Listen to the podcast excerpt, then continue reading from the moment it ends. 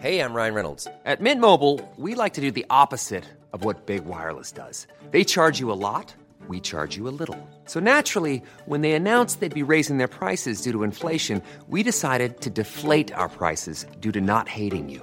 That's right. We're cutting the price of Mint Unlimited from $30 a month to just $15 a month. Give it a try at mintmobile.com slash switch. $45 upfront for three months plus taxes and fees. Promo rate for new customers for limited time. Unlimited more than 40 gigabytes per month. Slows. Full terms at mintmobile.com.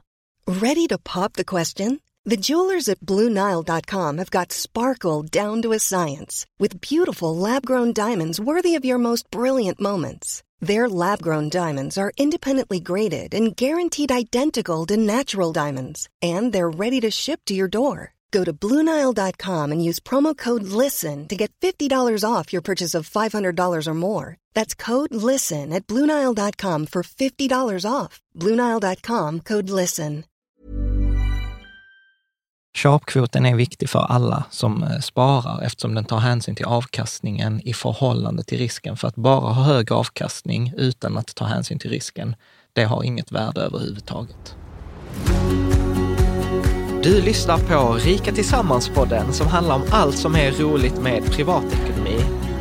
I den här podden får du varje vecka ta del av konkreta tips, råd, verktyg och inspiration för att ta ditt sparande och din privatekonomi till nästa nivå på ett enkelt sätt. Vi som gör den här podden heter Jan och Caroline Bolmesson.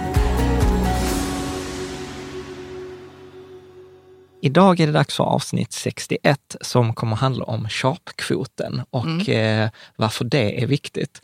Och detta, är ju, detta kommer verkligen vara ett lite nördavsnitt. Och, Menar du att, att det bara är nördarna som kan få ut någonting av det här? Nej, nej, nej, det är det inte. Men det är bara typ jag som kan sitta här med ett leende på läpparna och tänka på sharpkvot, att vi ska prata typ 35-40 minuter om, eh, om sharpkvoter. Ja, den måste vara viktig i så. Ja, men precis. Detta är ett av få nyckeltal eh, som vi kommer att prata om i, på, på, på bloggen. Men jag, jag tycker att faktiskt att sharpkvoten är ett av de viktigaste eh, verktygen. När man ska... När man ska titta på liksom avkastning i förhållande liksom till, till risk. Men jag Okej. tänker, att, men jag tänker att innan vi hoppar för djupt ner så tänker jag att liksom försöka hålla mig till den här strukturen här så att du som lyssnar och du som liksom tittar på det här vet liksom vad du kan eh, liksom förvänta dig. Så att det jag tänker att vi ska titta på är ju den frågan då så här, så varför? Varför är det viktigt att veta vad sharpkvoten är? Varför är det, liksom, ska jag ta hänsyn till den i mitt eh, sparande? Och det som jag, en av de anledningar som jag gillar sharpkvoten är för att man kan få en reality check. Alltså så här, har jag rimliga eh, liksom förväntningar på mitt sparande, på avkastningen? I Ja, förhållande när man investerar sina sparpengar. Ja, har jag ett rimligt... Ja, har jag rimliga krav. Ja, precis. Har jag rimliga krav? Och, och det där var något jag inte fattade för när jag läste teknisk fysik, att då var de alltid på så här, är lösningen rimlig? Är detta liksom så här, verkar det fungera? Och detta är verkligen en sån här grej, så här, är det rimligt? Eh, liksom en, ja men reality check, så vi kommer prata mycket om det. Eh, hur man kan använda sharpkvoten för att ta beslut i sitt sparande, så att man kan liksom titta så här, mm, sharpkvoten, så här, det verkar rimligt, det, det kör jag på. Och att också kunna liksom bedöma då, så vad är en bra sharpkvot, vad är en dålig sharpkvot? Hur, hur kan jag få fram den här sharpkvoten för olika till exempel fonder? För alla fonder har en sharpkvot. Eh, Okej. eh, Så att det hjälper en, sharpkvoten, när man tittar på den, så hjälper det en att ta vettiga Ja. beslut i Ja, sin egentligen så här bättre beslut. bättre beslut. Bättre, eh, bättre beslut. Det är ju alltid skönt att kunna liksom tacka nej till vissa alternativ och säga ja tack till andra. Alltså att stänga dörren till Ja. vissa, Och, och vad ska man säga, vissa, ja, alternativ. vissa liksom. alternativ och veta så, okej men jag har tagit de besluten Ja. som jag har gjort på, på eh, grundval av något vettigt. Ja. Inte Ja. bara en känsla så. Eller, Och, och, och för dig som inte orkar lyssna mer i detta avsnitt än så här, då kan Ja. man komma ihåg så här, en sharpkvot eh, mellan 0,5 och 1 är bra, en sharpkvot under 0 är dåligt. Okej, Det är liksom så, redan där, då hade vi kunnat sluta avsnittet. Men jag tänkte, liksom så här, jag gillar ju klä granen och Ja. fördjupa mig. i Jag har till och med studier, vet vad, denna gången har jag tagit med källorna till studierna. För det Mm. vet jag att du var på mig på sist. Eh, Men sen så ska man också kunna ta fram sin egen sharpskurs för sitt eget sparande. Det kan man om man Okej. har Nordnet. Så Mm. kan man faktiskt, så är det i portföljrapporten, förmodligen en rad de flesta har ignorerat. Mm. Så kan man titta där, okej, så vad är min, vad är min egen sharpkvot i mitt eget sparande? Alltså jag, vet, Mm. Jag vet inte varför jag tycker det är så roligt. liksom. och, sen, och sen naturligtvis, eh, allt det, det är inte något magiskt nyckeltal, det är bara köpkvoten är bra. Det är liksom så här one ring eller one liksom KPI to rule them all. Så är det ju inte. KPI, vad är Ja. det för något? Nyckeltal, liksom så här.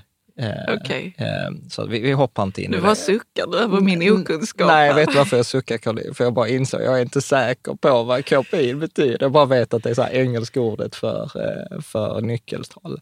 Så att, eh, tack för din o- liksom så här, Men hallå, det är förmåga ju att så. alltid... Vi kan inte kunna allt. Nej, Nej. Men, men du brukar alltid hitta de här sakerna som sätter dit mig. Så.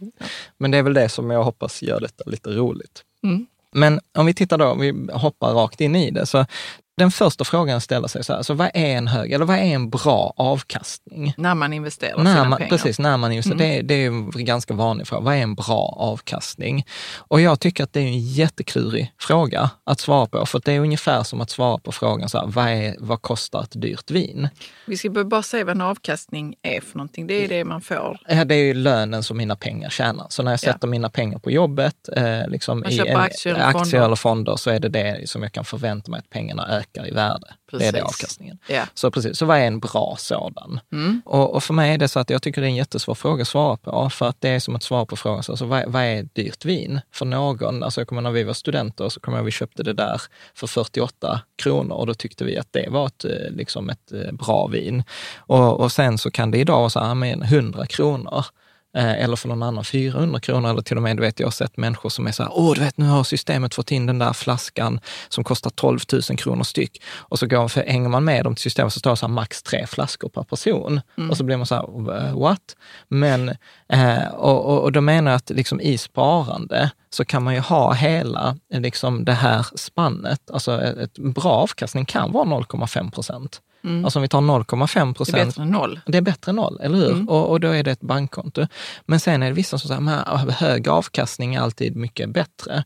Och då brukar jag säga så här, men du vet, det finns, jag vet ett, ett, ett ställe där man kan få 3600 procents Du vet ett avkastning. ställe. Jag vet ett ställe. Vad är det man, för ställe? Ja, men precis. 30, är du sugen? 3600 procents avkastning. Ja, jag kommer säkert betala ett dyrt pris på den, i någon annan ände för den där 3600 Ja, men precis. Och det, det är precis det som Mm. är poäng. 3600, det är ju att gå till närmsta Casino Cosmopol eh, och så sätta liksom eh, allt på ett nummer. Det är 36 I rouletten? Ja, i rouletten. Och då har du liksom 36 gånger pengarna, 3600 procent. Mm. Problemet är att du har ju 97 procents sannolikhet eller 97 procents risk att du förlorar pengarna.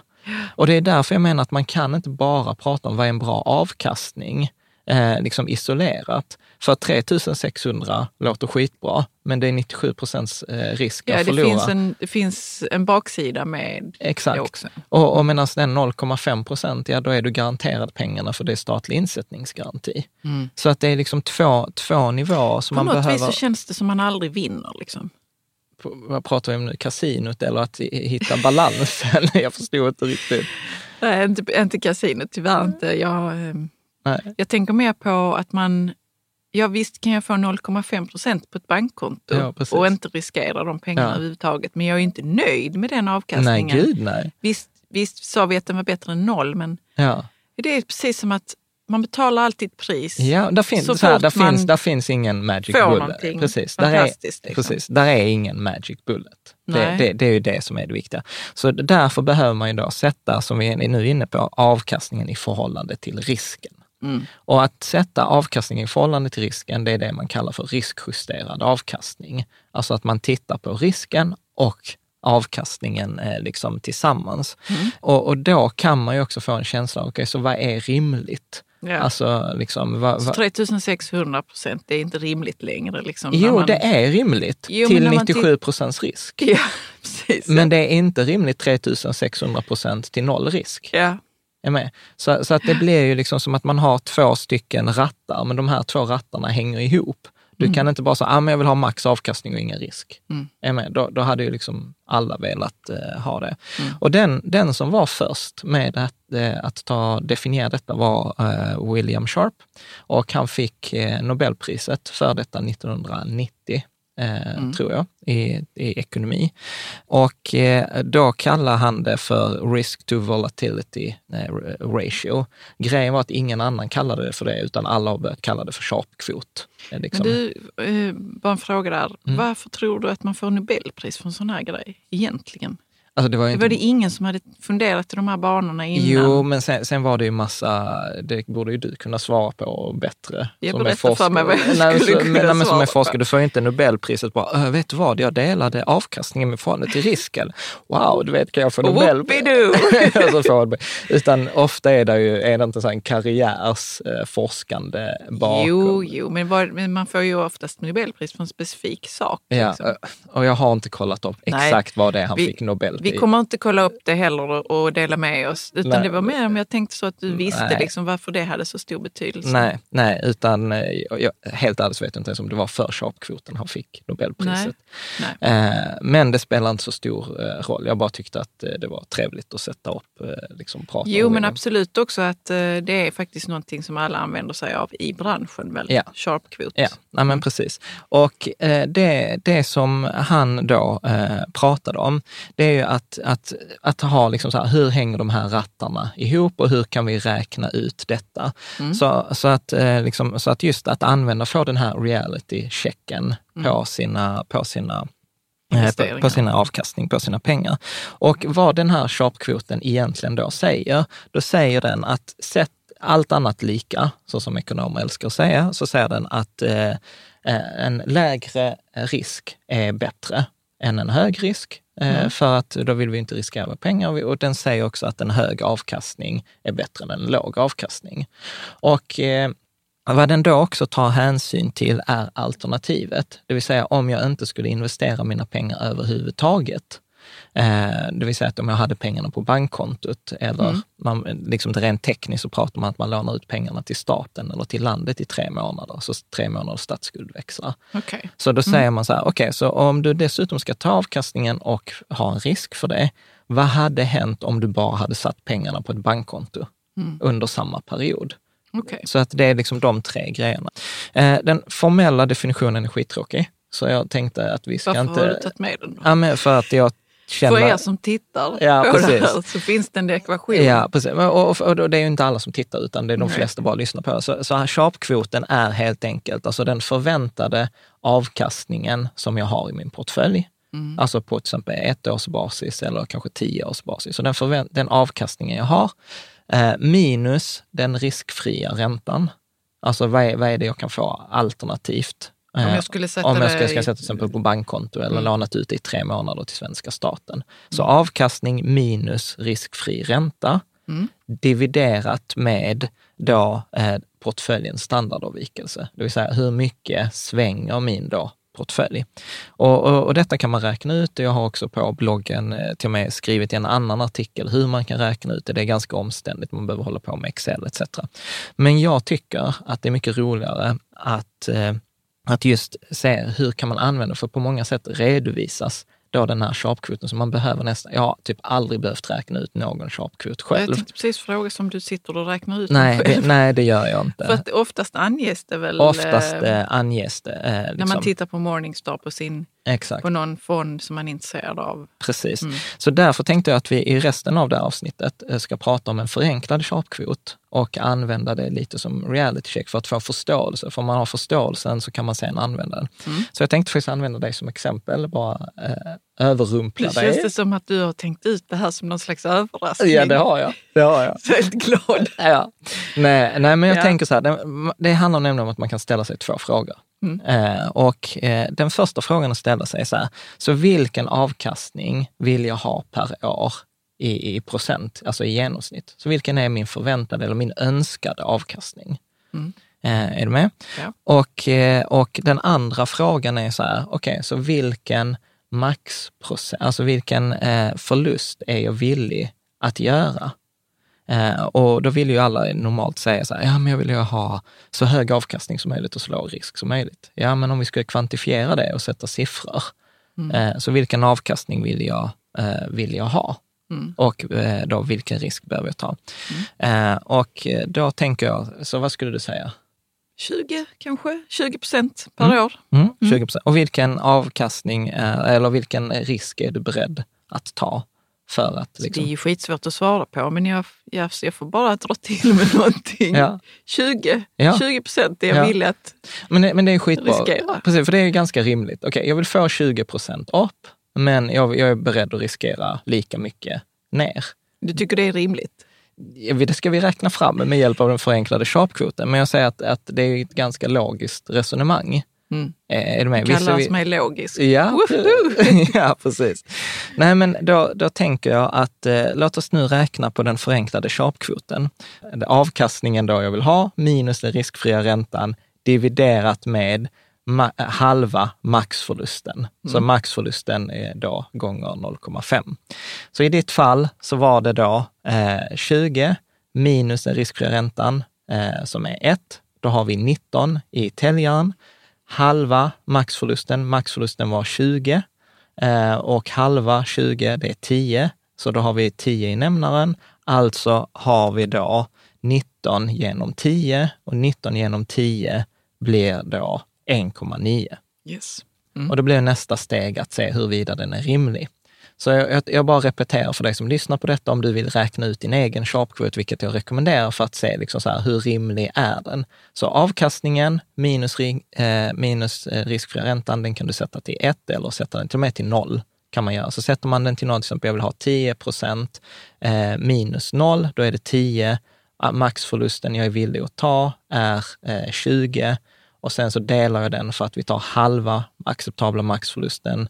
Då blir det 10, 20 genom 2 är 10. Då har jag 10 genom 10, då får jag en sharpkvot på 1. Jag räknade rätt, Caroline. Ja, och jag hängde nästan inte med i, Ja. i ditt räknande där. Ja, men, eh, Nej. men eh, man, får, man får gå in på bloggen. Man kan titta kolla. på bloggen också Ja, så får man det svart på vitt ja precis. Eh, Eller i, i Youtube-videon. Vad är nu en rimlig sharpkvot egentligen? Ja, men det, det är en jättebra fråga och detta har man faktiskt gjort en studie på, Mm. eh, där man tittade på över, över långa tidsperioder. Jag vet inte om du kommer ihåg det jag sa i början, vad en rimlig sharpkvot Jag var? kommer inte ihåg det. Ja, men om du ska gissa då? Eh, Men var det inte någon, eh, något sånt här under ett är det inte bra eller någonting sånt där? Ja, det ska bli spännande, för då har man gjort en studie på eh, 555 fonder Ja. eh, över en 30-årsperiod. Och så plottade man in dem beroende på vilken sharpkvot man hade över olika tidsperioder. Och eh, studien hette eh, Where have all the eh, sharp ratios över ett gone? Så att det, det intressanta var att om man tittar på en lång tidsperiod så finns det i princip inga fonder eh, eller liksom över ett. Jaha. Så att en, en sharp-kvot eh, liksom mellan 0 och 1 är faktiskt ganska bra. Och jag kommer att spesa upp det i, i längden, men jag bara visa, liksom så här, får man en sharp, fick du en sharp-kvot i din uträkning på 2, 3, 4, 5, 6, det är helt orimligt. Liksom. Jag fick ju på två Ja, nästan. och två kan säga så att två är världsklass. Alltså eh, det är riktigt, riktigt, Mm. riktigt bra. Det är så pass eh, bra att kunna du ha en sharpkvot på, vad sa du, på två, 1,9 över, eh, eh, liksom, Över en tio, över en tioårsperiod, då kan jag säga att då hade du varit eh, miljardär i princip. Då hade du bara kunnat förvalta en fond med någon annans pengar. Mm. Eh, Så att jag tänker att de tumreglerna, om man tittar på det, liksom så här, eh, försöker spesa upp det, så om vi tittar på en lång tidsperiod, kanske då till exempel tio år, eftersom de flesta sparande som till barn eller till pension bör ju vara på tio år, så kan man säga att de flesta tillgångsslag, alltså till exempel om man bara tittar på aktier för sig eller räntor för sig, så brukar man säga att de flesta tillgångsslag ligger på mellan 0,2 och 3 i sharpkvot. Mm. Eh, tittar man då på nybörjarportföljen, alltså den så en klassisk portfölj, en 60-40 portfölj, alltså 60 procent aktier och 40 procent räntor, då pratar man om att den historiskt sett har en sharpkvot på 0,4. Och hur länge har den hållit på? Ja, alltså sådana har man ju haft sedan 30-talet. Liksom. Mm. Men det intressanta är att aktier i sig har kanske då en sharpkvot på mellan 0,2 och 3, men en rik, äh, medan en nybörjarportfölj har 0,4. Och det är detta jag brukar tjata om när, när jag alltid får kritik. Så här, men varför har du med räntefonder i en portfölj? Jo, för att räntefonderna ökar den riskjusterade avkastningen. De ökar sharpkvoten. För genom att jag lägger till räntefonder i, eh, i sparandet tillsammans med mina aktier, så ökar den avkastningen jag får i förhållande till risken. Inte att jag får så hög avkastning som möjligt, för det sänker avkastningen, men det ökar den riskjusterade avkastningen. He- Hänger Ja, det med? börjar närma sig världsklass. Ja, precis. Nej. Till, Nej, men jag fattar var, varför. Eh, Så om man skulle ha 100 aktier, ja, då, då, då kan du det histo- varit då kan du högre historiskt... risk och förmodligen sämre Ja. sharp-kvot. Nej, nej, ja, inte högre, alltså så här, högre avkastning, men också högre risk. Ja, Alltså en lägre sharpkvot. Så att det var det jag sa. Ja, okej, det var det kanske. Nej, men, Ja. Eh, tittar man då på till exempel varför jag tjatar om Rika Tillsammans-portföljen, ibland Ja. som en ganska avancerad portfölj, eh, så beräknar man att en, en, en bra strukturerad allvädersportfölj, alltså som ska funka i alla ekonomiska klimat, då brukar man prata att den ska ha en sharpkvot på 0,6. Så att, en, att ha en portfölj som blandar olika tillgångsslag på ett bra sätt kan ge en högre riskjusterad avkastning än en 100% aktier. En 100% aktier kommer ge en högre avkastning över en lång tidsperiod, men den kommer ge en, eh, en högre risk också. men om man nu kollar på det under en lång period, Mm. förlorar man inte då den där avkastningen på grund av risken? Det kan göra, särskilt om man gör dumma grejer som vi pratade om i det avsnittet om vanliga misstag. Eh, Så att det återigen, och det är detta som jag liksom här, jag kanske skiljer mig från många, för jag tittar på den riskjusterade avkastningen. Jag är mer intresserad av att ha en bra avkastning i förhållande till en låg risk, än vad jag är intresserad av att ha en hög avkastning och en hög risk. Med? Så att med en, till exempel en Rikets sammansportfölj, en nybörjarportfölj, så kan man höja då den riskjusterade avkastningen. Och det, är liksom en av grundpoängerna på hela bloggen, men jag har liksom aldrig spesat ner det eh, liksom i, som nu i sharp-kvoten. Och, och tittar vi på det till exempel eh, på Morningstar, som Morningstar.se som är en sajt där man kan titta på all information om, om eh, Man kan skriva in vilken, vilken, aktie vilken svensk fond som helst. och så, så och få får fram- man en massa information om den. Ju. Och går man in på morningstar.se och slår då till exempel Länsförsäkringen Global Indexnära, som är en av mina favoritfonder, som jag nästan alltid rekommenderar som basen i en portfölj, då kan man trycka på fliken risk och rating. Eh, Och då står där faktiskt sharpkvoten. Då står där liksom en rad. Jag tror de flesta har liksom missat den eller ignorerat den, liksom för man, man inte vet vad det betyder. Men då kan man titta till exempel den här Länsförsäkringen-fonden, då har ju den 0,97 på tre års sikt. Och det är, ju, Okej. och det är, ju, det är ju bra. Det är ju riktigt bra, eh, tycker jag. Sen kan jag tycka att tre år är lite för kort tid eftersom jag ändå sparar på en horisont på kanske 10, 15, 20 år. Så då kanske jag hade velat ha en längre tidsperiod. Tittar man på en av de bästa svenska fonderna, liksom historiskt sett Spiltan Aktiefond Investmentbolag, då har den 0,7. Eh, Också under tre år. Ja, också under tre år. Mm. Eh, Men den har väl funnits längre? ja, eller? den har funnits längre, jag tror kanske tio år snart. Men kan man inte få sharp-kvoten för tio år? Jo, det kan man säkert räkna ut, men Morningstar gör ju inte det, utan de Va? ger på tre år. Ja. Men det känns ju som, nu när vi har pratat om det här, Ja. så känns det som att man bara vill veta sharp-kvoten under lång Ja, tidsperiod. precis. För, men med Morningstar kan ju inte riktigt göra det också, för att det är massa, för då ska en fond liksom så här, överleva i tio år utan att få massa nyckeltal. Så att eh, därför räknar man, har man på till exempel Morningstar bestämt att ja, vi räknar allt på tre år. Sen finns det ju sämre, jag kan säga sen, en av mina kritik sen som vi kommer att titta på, det är att Nordnet räknat till bara på tre månader eller tolv Mm. månader. Så att... eh, De utgår från att folk eh, byter, Ja, man- kanske ofta. Eller, ja, eller man har en kort, man har en kort eh, horisont för sitt Mm. sparande. Mm. Eh. Så kan det ju vara också. Ju. Tittar man på eh, nybörjarportföljen, eh, som, som då vi sparar, eh, som vi rekommenderar då, eh, då har den just nu en sharpkvot på 1,3. Mm. Eh, vilket är, jag tycker är jättebra, men det är, inte, liksom, det är inte så bra som det låter för tidsperioden är för kort. För nu, vi har ju bara haft den ett par år Ja. och det har varit en uppåtgående marknad. Liksom. Tittar vi på globala badportföljen, 1,6 Mm. eh, har den. Var det? ja, nej, men det är, ja, jag bara skrattar eftersom det är så högt ju. Ja, ja, ja, precis. Men det är fortfarande under dina 1,9. Det är det. Och förmodligen under ganska många lyssnares eh, liksom, och tittares eh, kanske på tre. Du vet när jag gjorde den övningen på en föreläsning, du vet, då fick vi sharpkvot på 10 och 15. Och, och liksom Alltså så. med re, riktiga aktier och, eller var, Nej, nej, med deltagare. Men alltså folk som... Att, som önskade sig en Ja, viss avkastning ja, precis. och som önskade Men- sig... Precis, ja, man har en helt orealistisk bild på en avkastning Ja, i förhållande ja, okej. till, till risken. Rikets sammansportföljen ligger på 1,1 eh, just nu, men återigen, det är en för kort tidsperiod. Tycker jag, så att det är inte, det är inte re relevant. Men det ger ändå en känsla, så här, vi har inte sett någon sharpkvot eh, på, som är jättehög. Eh, och man kan även se sin sharpkvot om man har eh, Avanza, så kan man också gå längst ner på sin, sitt, sitt ISK-konto. Så står där sharpkvot 12 för månader. För hela portföljen? För, ja, hela för, sitt, det, för sitt ISK-konto till För exempel. hela sitt ISK-konto? Ja, eller där man KF eller alltså kapital, ja. alltså där man sparar sina där pengar. Sparar sina pengar. Ja. Så på mm. Nordnet så gör jag man... Jag har nog aldrig scrollat ner så långt. Nej, precis. Nej. Så då kan du göra det nu. Mm. Eh, och då kan, då kan man göra det både på Nordnet och på, på Avanza. Mm. Men sen är det, tror jag också att det är viktigt att komma ihåg att eh, då, eh, att om man ska göra någon sån här tumregel då att komma ihåg, så mindre än noll, en sharpquote mindre än noll, det är skitdåligt. Då är det bättre att ha pengarna på bankkonto. Alltså du menar minus? Ja, ett, en sharp, för den kan ju bli minus också. Ja, det är Eller klart hur? den kan. Om, nej men så här, om, min, om avkastningen jag har fått är minus 10, mm. eller hur? Minus 10 minus 1, eh, då blir det ju liksom eh, minus 12 och sen minus 12 genom 10, ja då är det minus 1,2. Så en sharpkvot kan ju vara negativ också. Och det, tolkningen av det, det är en negativ sharpkvot, då har ju inte investeringen ens slått den riskfria räntan. Nej. Är med? Då har den inte ens varit så bra som att ha pengarna på bankkontot. Så att därför är så här, mindre än noll, dåligt. Ja. Det, det kan man liksom komma ihåg. Eh, sen brukar jag säga mellan 0 och 0,5, det är okej. Okay.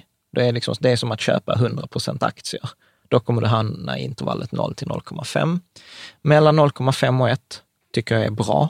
Mm. Det ska man vara liksom, på en lång tidsperiod, 10 år, då ska man vara sjukt nöjd med 0, eh, 0 mellan 0,5 till 1. Mm. Eh, mellan 1 eh, och kanske då 1,5 eller eh, liksom 2, eh, alltså då är det riktigt bra, det är världsklass. Mm. Eh, och sen skulle jag till och med säga så här, mer än 2 i princip oseriöst.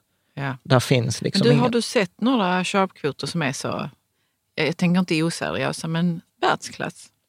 Under ja, lång... Nej, inte under långa tidsperioder. Under På korta, korta tidsperioder så, mm. kan det, så kan det vara höga, att eh, liksom så här, börsen har gått upp eh, liksom under en lång, eller så under mm. några månader. Det ska till vissa omständigheter. Ja, oftast, oftast brukar jag säga för att, sharp, ja, för att sharpkvoten ska vara eh, relevant, då tycker jag att man, då ska man ha varit med om en uppgång, alltså en konjunkturuppgång, en konjunkturnedgång. Mm. Man kan inte bara titta så här, ja men jag tittar nu bara när allt var toppen.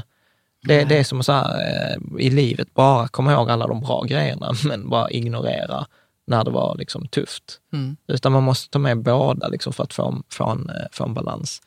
Eh, och jag brukar säga så att om man ser en sharpkvot som är över 1,5, då, då, då är det något annat som pågår. Alltså då, då ska Vadå, man vara skeptisk. Du, vad spännande det låter. Ja, nej, men, du säger så. Ja, men, nej, men då är det ofta att tidsperioden är för kort mm. eller att man har fifflat med eh, den. Det går med fiffla. siffrorna på något vis? Ja, det går att fiffla med liksom, de här siffrorna. Mm. Ehm, och sånt. Man har inte tagit med en hel konjunkturcykel, det vill säga Nej. man har inte tagit med en högkonjunktur, lågkonjunktur, utan man har tittat så här, ah, men jag börjar i mars och så mäter jag till juli istället för att ta med januari till december till exempel. Mm. Man vill att det ska se så bra Man vill ut. att det ska se, mm. se bra ut. Men liksom så här, över 1,5 eh, är lite så här, eh, Just det. Och jag brukar säga så här, för att man ska få ytterligare en reality eh, check här, då brukar jag jämföra Warren Buffett och Berkshire Hathaway.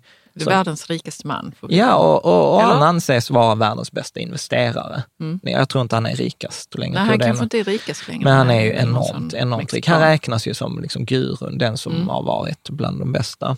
Eh, han, man tittar, räknar ut hans sharpkvot för då Berkshire Hathaway mellan, jag tror det var 1976 och 2011. Eh, då finns det en studie som gjorde detta som heter Buffetts Alpha, eh, som släpptes då 2012. Och den kom fram till att Warren Buffett mellan 1976 och 2011 hade en sharpkvot på 0,76. Och det får vi ju får vi applådera. ja, men precis. Och det är Berkshire Hathaway är, är liksom hans, hans bolagsaktier. Ja, mm. precis. Så vi pratar så om att han som har varit bäst i världen över en 30-årsperiod har haft 0,76. Alltså att då titta på de här sharpkvoter på två och sånt. Förstår du varför jag säger att det är oseriöst? oseriöst. Ja, precis. Men du, eh, okej, okay, vad har han gjort i sitt bolag egentligen som gör att han kan ha en sån sharpkvot? Är det... det kan vi ta ett annat avsnitt. Det kan vi göra. Men det, men det, handlar med, liksom... nej, men det handlar om att han har ju valt att investera i bra bolag över en väldigt lång tid och sen har han använt hävstång. Mm. Det, det är ju det han har gjort. Den artikeln, vill man läsa i detalj så kan man läsa den Buffetts alfa-artikeln. Ja. Det är en vetenskaplig eh, studie. Och, och detta är den högsta sharpkvoten av alla aktier, av alla fonder på en 30-årsperiod.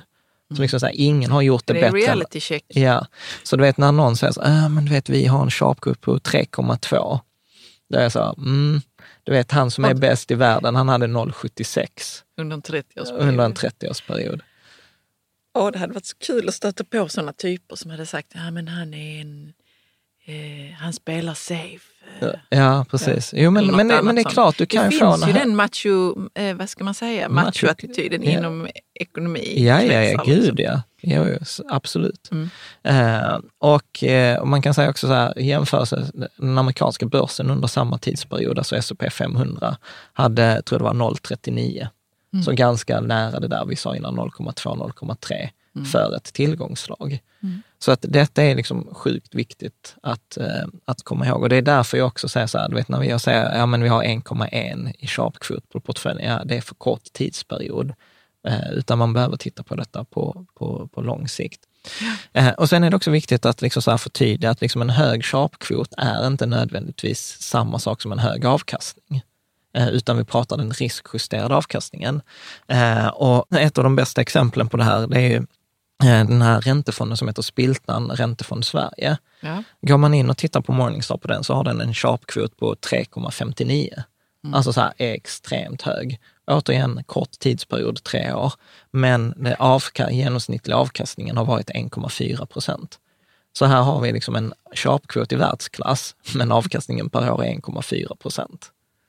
Jag fattar inte hur den kan bli 3,59 den sharpkvoten. Jo, att de har eh, väldigt låg eh, låg- sve- risk. Ja, låg risk, okej. Ja. Ja. så är det ju. Ja, Okej, låg avkastning, men väldigt- extremt låg risk. Mm.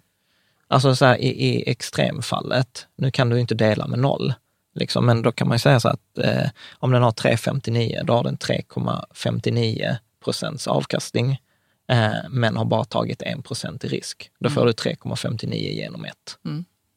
Hänger du med? Ja. Bra.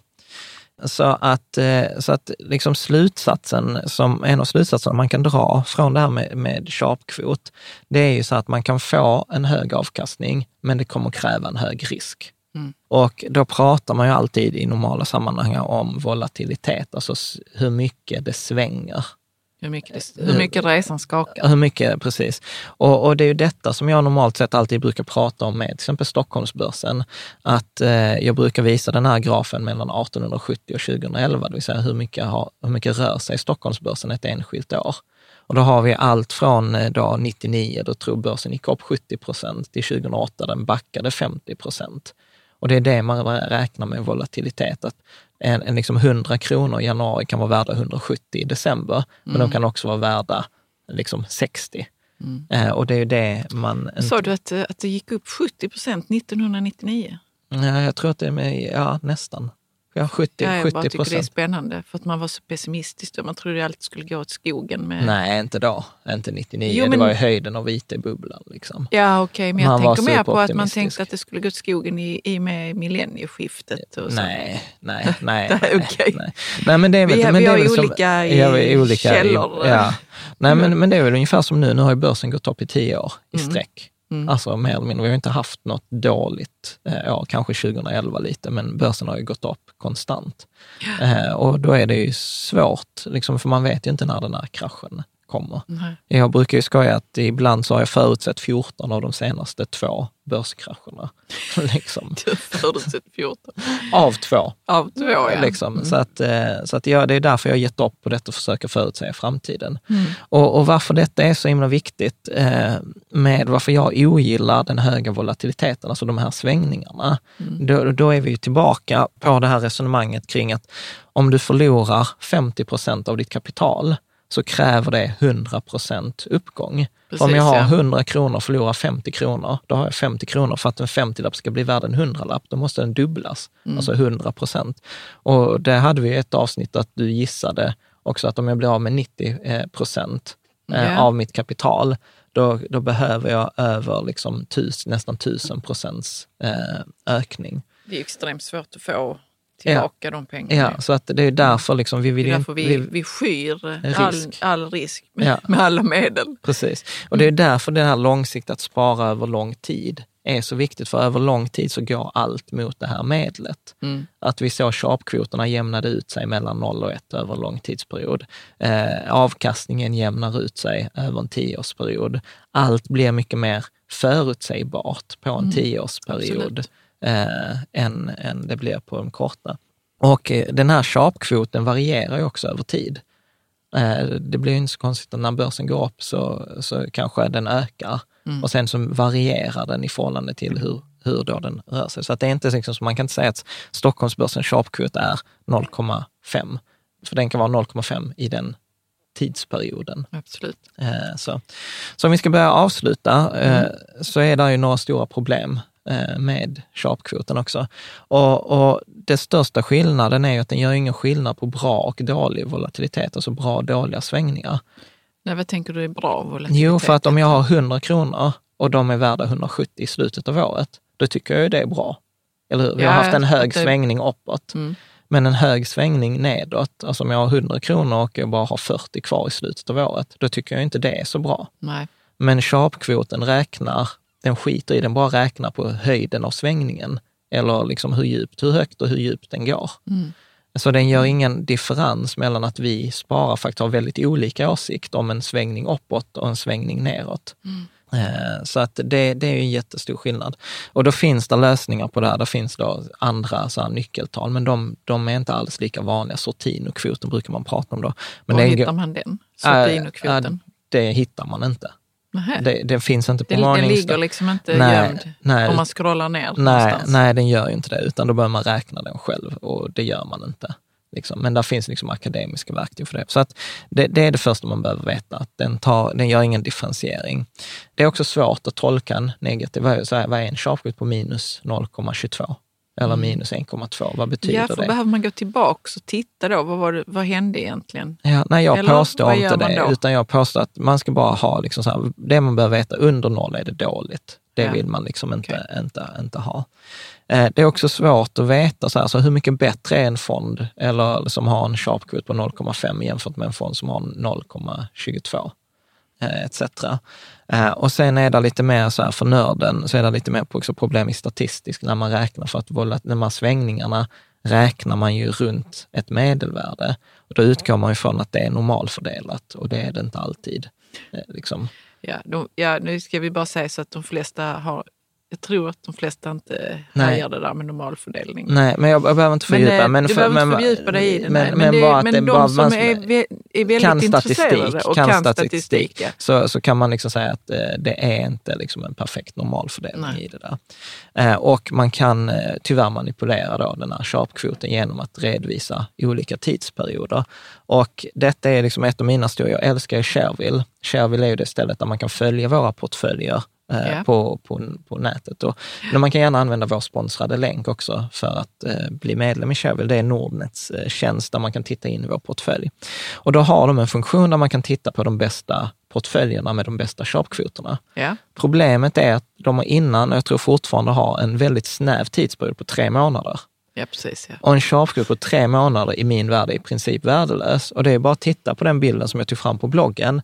Du vet att du har någon som har en sharpkvot på två, eh, jag kan inte ens säga vad det är för ett nummer, alltså det är 25 miljarder. Det är någon som har en sharpkvot på 25 miljarder. Det är någon som har en sharpkvot på 5 385 656. Och, och sen liksom eh, på 10, 15, 11 etc. Och, jag påstår så här, det är ju totalt oseriöst. Alltså du kan inte liksom följa någon på, på, på, det, på det sättet. Och, och tittar jag till exempel på globala barnportföljen, det är en stor skillnad. Vår där ligger 1,6. Alltså 1,6 är asbra, men som jag säger, det är inte representativt för det är en för kort tidsperiod. Men även i den sammansättningen, för någon som inte kan sharpkvoten, vet hur det funkar, då tänker man så här, men någon som har en sharpkvot på 10 eller 16 måste ju vara 10 gånger så bra som det har som har 1,6. Men så är det ju inte. Utan tvärtom så ska jag säga att eh, 6, det är ju inte hållbart. Det kommer förmodligen inte ens hålla i nästa tre månader. Nej. Toppen. Eh, Så att om vi ska liksom börja sammanfatta det Ja. och det man ska komma ihåg, då är det liksom så här, sharpkvot under noll, det är dåligt. Mm. Det, det ska man ta. Mellan eh, då ett vanligt tillgångslag mellan 0,2 och 0,3 över långa tidsperioder. Tittar man på de här mer korta tidsperioderna, till exempel tre år, ja, 0,4 till, till 1 är mm. ganska, eh, ganska bra. Om man då jämför mellan fonder så är det viktigt att man jämför till exempel en global fond med en annan global fond, så man inte jämför en global fond med en räntefond som är, ah, okay. helt, som, är, mm. som är helt olika. Och man kan kolla sin egen eh, Sharpco till exempel via då Shareville. Mm. Eh, så man kan, eh, ja, men man kan gärna använda vår sponsrade länk också. Och eh, jag skulle säga så här att det var egentligen allt för, ja. Eh, för den här gången. Och eh, om du vill, det du kan göra nu, gå gärna in på bloggen, läs kompletteringarna, eh, läs kommentarerna. Eh, har du frågor, ställ dem gärna där. Prenumerera på vårt nyhetsbrev, kommer mm. ut kanske en, två gånger i månaden på sin höjd med just liksom tips. Eh, man kan besöka vår Patreon-sida om man vill stödja oss, komma närmare i vår lilla, lilla community. Då är det patreon.com rika tillsammans. Och naturligtvis följa oss i sociala, eh, sociala medier. Och med det återstår väl egentligen bara att säga så här, tack för den här ja, gången. Tack. Och eh, vi ses nästa söndag.